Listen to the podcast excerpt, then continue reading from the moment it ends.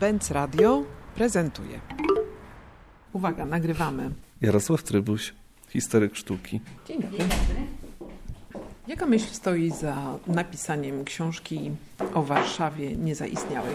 To było tak, że bardzo wiele osób, kiedy przyjechałem tutaj, a było to już wiele lat temu, opowiadało mi o budynkach, które są gdzieś opowiadane, rysowane, które trwają w, w złożonej pamięci mieszkańców, ale ich nie ma. I bardzo się zdziwiłem, przenosząc się tutaj z miasta bardzo konkretnego, zbudowanego od A do Z, z Poznania, że Warszawa jest tak wielowarstwowa i że istnieje w tym mieście warstwa architektury, która, której nie ma, a istnieje.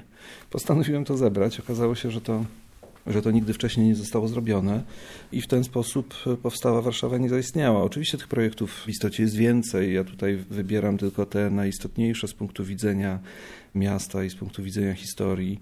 Grupuję je w cztery duże rozdziały i staram się umieścić w kontekście politycznym również, bo ten jest szalenie istotny. Powiedziałeś, że to są takie fantomowe istnienia, których nie widać w przestrzeni miasta, ale jednocześnie odczuwa się ich brak tak naprawdę obecność tego, że coś w tym miejscu było, czy powinno być, po to, żeby się dopełnił sens jakiejś przestrzeni. Bardziej jest to odczucie jakiejś takiej innej warstwy istnienia niż poczucie braku. To nie jest tak, że ich brakuje. One po prostu istnieją w swojej wyobrażonej warstwie tego wielowarstwowego miasta.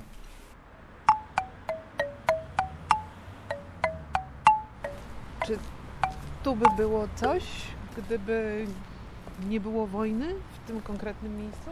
Tu byłaby gęstsza zabudowa, bo tunel trasy WZ został wykopany tuż po wojnie jako przebicie między wschodem i zachodem miasta, które wprawdzie było planowane przed wojną, ale nie w tym miejscu. Było planowane na osi ulicy Karowej, gdzie miał powstać most i również tunelem trasa miała przechodzić wbijając się w skarpę, miała przechodzić pod e, krakowskim przedmieściem, placem Piłsudskiego, ogrodem saskim i wychodzić dopiero na placu Żelaznej Bramy. Czyli ten projekt, który mamy tu, tunel trasy WZ, jest realizacją tej samej przedwojennej idei, tylko umieszczoną kilkaset metrów na północ. Czy ty często robisz takie ćwiczenia, idąc po Warszawie, chodzisz po tej Warszawie, którą opisałeś w swojej książce? Muszę być w specjalnym, romantycznym nastroju. Dobra, twoje ulubione, niezaistniałe w Warszawie miejsce? Nie lubię y, dzielnicy Piłsudskiego, którą opisałem. Znaczy, wydaje mi się, że ten projekt jest szalenie interesujący na makiecie, w opisie, w wyobraźni ale byłby absolutnie fatalny, gdyby został zrealizowany. Natomiast ze względu na jego skalę, rozmach i absurdalność niektórych rozwiązań, często o nim myślę. Czyli nie chciałbym, żeby powstał, nie kocham go, ale często o nim myślę. To trudna relacja. To skomplikowane, rzeczywiście. Ta twoja książka też ma, ma już parę lat. Teraz ukazuje się jej drugie wydanie, troszeczkę zmienione. Powiedz, co mm, wymagało tej zmiany od momentu jej pierwszego wydania? Rozwinęła się nasza wiedza, powstało kilka dobrych monografii architektów, wspaniałego opracowania, pełnego opracowania twórczości doczekali się Lachet Szanajca, dobrej monografii doczekał się Nagórski. Można by jeszcze wymienić e, pewnie paru twórców. Do tego powstała znakomita biografia Starzyńskiego, w którego czasach przecież ta niezaistniała Warszawa mm, była rysowana, czyli sanator Grzegorza Piątka. Bardzo istotne jest to, że od 2012 roku zostały przetłumaczone po raz pierwszy na język polski te najistotniejsze e, prace Corbusiera. To jest bardzo dziwna sprawa, dlatego że ta Corbusiera nieustannie cytowano i okazuje się, że bardzo okrężną drogą, ponieważ większość tych pism nigdy nie była tłumaczona na polski aż do naszych czasów. Centrum Architektury opublikowało kilka książek, które w tych tłumaczeniach wprost z francuskiego zmieniają nieco sens i brzmienie, to znaczy uszczegółowiają je i bardzo się cieszę, że teraz mogłem odnieść się wprost do, do tych cytatów, czy to z karty ateńskiej, czy do, do książki w stronę architektury. Co jeszcze się zmieniło? Zmienił się stan wiedzy na temat tego, co działo się w mussoliniowskich Włoszech. Znakomitą książkę o spektaklu i miastach w faszystowskich Włoszech napisał Filip Burno.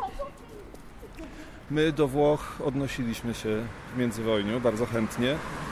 Nie odwoływaliśmy się do Niemiec, no bo były wrogie. Nie odwoływaliśmy się do Związku Radzieckiego, bo tam panowała obca ideologia. Ale do mussoliniowskich Włoch owszem. One wydawały się taką nowoczesną, dość miękką dyktaturą, w dodatku odległą i chętnie dokonania Mussoliniego były tutaj przywoływane. To, że Filip Burno tak obszernie, wnikliwie i interesująco je opisał, również domagało się zauważenia w, Warszawie niezaistniałej. Także to są te najistotniejsze rzeczy, które, które w książce się zmieniły, a raczej które zostały dopowiedziane. Tego nie jest dużo od razu, e, mówię czytelnikom pierwszego wydania. Drugie wydanie e, nie jest dla nich, ale mogą kupić na prezenty dla tych, którzy nie załapali się. Czyli tak naprawdę uzupełnienia dotyczyły rozszerzonej wiedzy i rozszerzonego kontekstu, w którym działali ci, którzy opracowywali plany rozbudowy Warszawy w latach 30. Tak. I bardzo drobnych korekt e, dotyczących mm, niektórych dat, e, przypisania niektórych obiektów. No jak to bywa przy rozwoju, naturalnym rozwoju wiedzy, zawsze trochę się zmienia. To nie są żadne fundamentalne zmiany.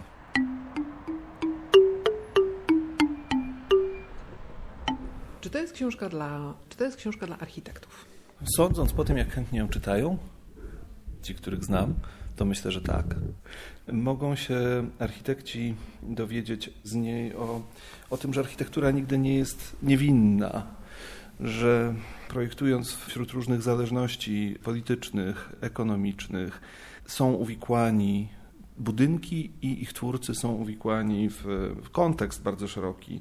Myślę, że to jest istotne dla tych, którzy projektują architekturę publiczną albo architekturę państwową. To też może być interesujące z tego powodu, że pojawia się tutaj wiele postaci architektów z przeszłości o konkretnych e, życiorysach, z konkretnymi dziełami. Ja, w istocie jestem historykiem architektury również, w związku z czym starałem się, żeby ten język, którym piszę o architekturze, był w miarę fachowy, to znaczy, żeby architekci nie, nie czuli tutaj dyskomfortu czytając opisy architektoniczne. Mam nadzieję, że, że nie czują. Więc tak, sądzę, że ta książka jest książką dla architektów również.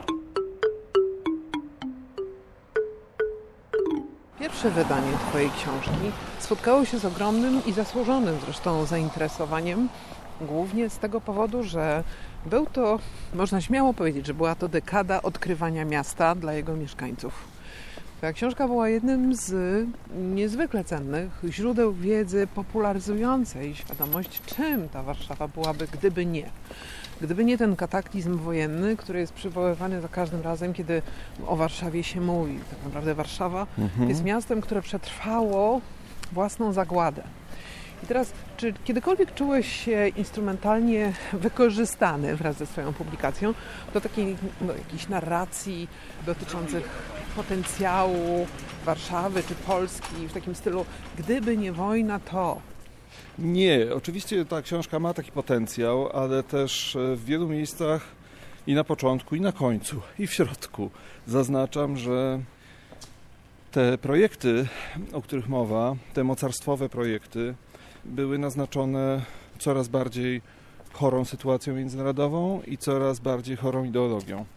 W związku z czym, jeśli ktoś to przeczyta uważnie, zrozumie, że tu nie ma żadnego sentymentalnego spojrzenia i żadnego żalu, że te projekty nie powstały. To jest po prostu omówienie ich w kontekście tej przykrej sytuacji, która narastała. I dobrze, że mówisz o, o tym znaczeniu politycznym, dlatego że ta książka w jakiś dziwny sposób obecnie trochę innego, w innym kontekście się pojawia i może być w innym kontekście odczytana, w współczesnym kontekście, który przez tych parę lat od 2012 roku się zmienił. I jeśli weźmiemy pod lupę projekty takie jak właśnie Świątynia Opatrzności Bożej i Dzielnica Piłsudskiego i wszystko, co dotyczy tej imperialnej warstwy architektury planowanej, okaże się, że Druga Rzeczpospolita u swego schyłku posługiwała się językiem, który jakoś dziwnym echem się teraz odbija. To może czkawką jednak. Może czkawką.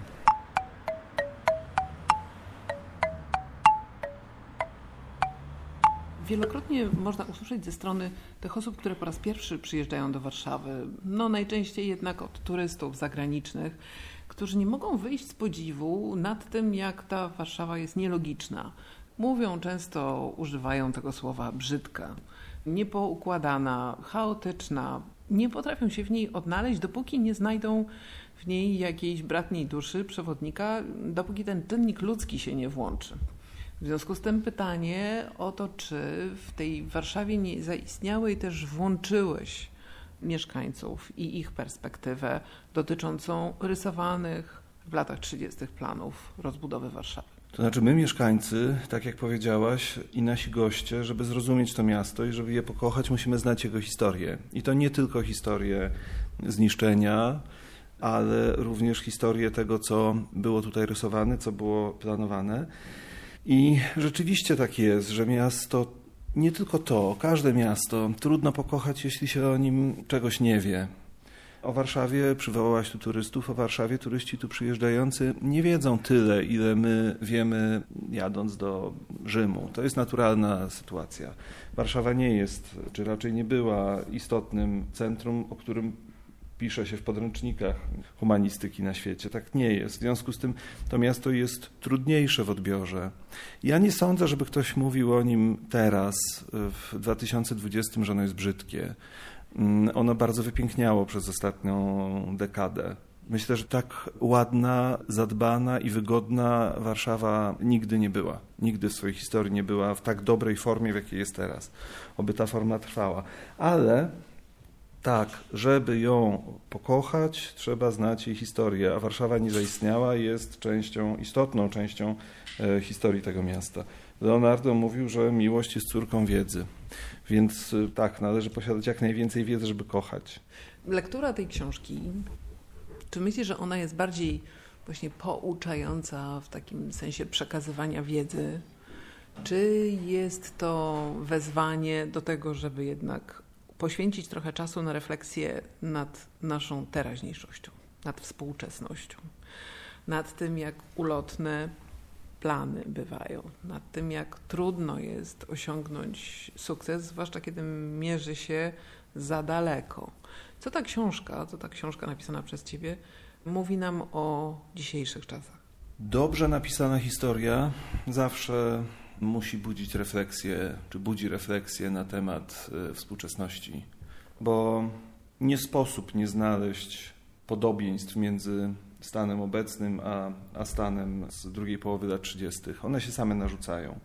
Więc czytając Warszawę niezaistniałą, poza tym, że poznajemy historię naszego miasta, jesteśmy w stanie też zbudować te paralele i jesteśmy w stanie, jak sądzę, ja ją teraz na nowo przeczytałem, więc wiem, wyciągać wnioski na przyszłość albo, albo po prostu zastanowić się nad, nad kondycją ludzką, mówiąc najbardziej ogólnie i wzniośle.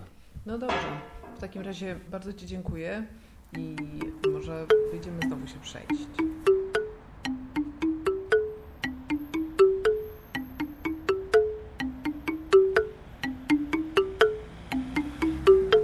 zauważyłeś, ale ostatnio jest taka tendencja do tego, żeby wszystkie gmachy publiczne, gmachy zajmowane przez jakieś agendy rządowe, instytucje rządowe, żeby architektura doznawała takich interwencji wplatających w fasady, w elementy mm, jakiejś takiej zewnętrznej części budynków atrybuty narodowe, biało-czerwone flagi, jakieś biało-czerwone napisy, biało-czerwone światła, biało-czerwone iluminacje. Wszystko się stało takie bardzo biało-czerwone i jest to jednak ingerencją zamysł architektoniczny, jakiś coś, co nie zakładało tego elementu interwencji patriotycznej. Tak. No i teraz, wiesz, czy architektura, nawet jeżeli przyjmiemy, że ta powstająca pod auspicjami państwa, czy też kreślona przez e, polityków, no ona jest, ma zawierać określony zestaw atrybutów i komunikatów, to jednak wydaje się, że w tym przedwojennym zestawie był w tym jakiś umiar, tylko może gdzie indziej. Nie jestem pewny, czy był umiar, natomiast e, z pewnością te budynki albo te projekty, które wtedy powstawały, miały wpisane to, o czym mówisz, czyli miały maszty na flagi, często w szokującej skali, miały albo nakładane godła. Cała ta symbolika była w architekturę wpisana. Architektura, która powstawała po wojnie, ta oficjalna architektura i ta architektura, która powstaje teraz, nie ma na stałe wpisanych elementów, które unaradawiałyby ją tak bardzo. W związku z czym to, o czym mówisz, to zjawisko oklejenia wszystkiego biało-czerwonymi flagami, obwieszenia, czy, czy właśnie oklejenia. Ministerstwo Gospodarki tak wspaniale się okleiło ostatnio folią samoprzylepną biało-czerwoną. To razi. Natomiast w tej architekturze końca lat 30., czy tej, która zaistniała, czy tej, która nie zaistniała, to jakby było włączone w sam projekt. Ale tak czy inaczej, to przeakcentowanie elementów narodowych też jest dużo mówiące. Ono świadczy, tak sądzę, o niepewności siebie, bo trzeba bardzo, bardzo być niepewnym swojej pozycji, żeby w takiej skali i z takim słowo rozmach nie jest odpowiednie, z taką ostentacją pokazywać te symbole narodowe, które przecież są dla nas wszystkich oczywiste. Ta konkurencja na to, kto większą flagę sobie powiesi, przypomina to, co parę lat temu zaczęło dziać się w Turcji. Tam też taka konkurencja między instytucjami państwowymi istniała. A żeby to nie brzmiało tak groźnie, może można znaleźć jakiś inny przykład. Z... No może spróbujemy znaleźć gdzieś tutaj w okolicy turecką kawę. Chodź, zobaczymy.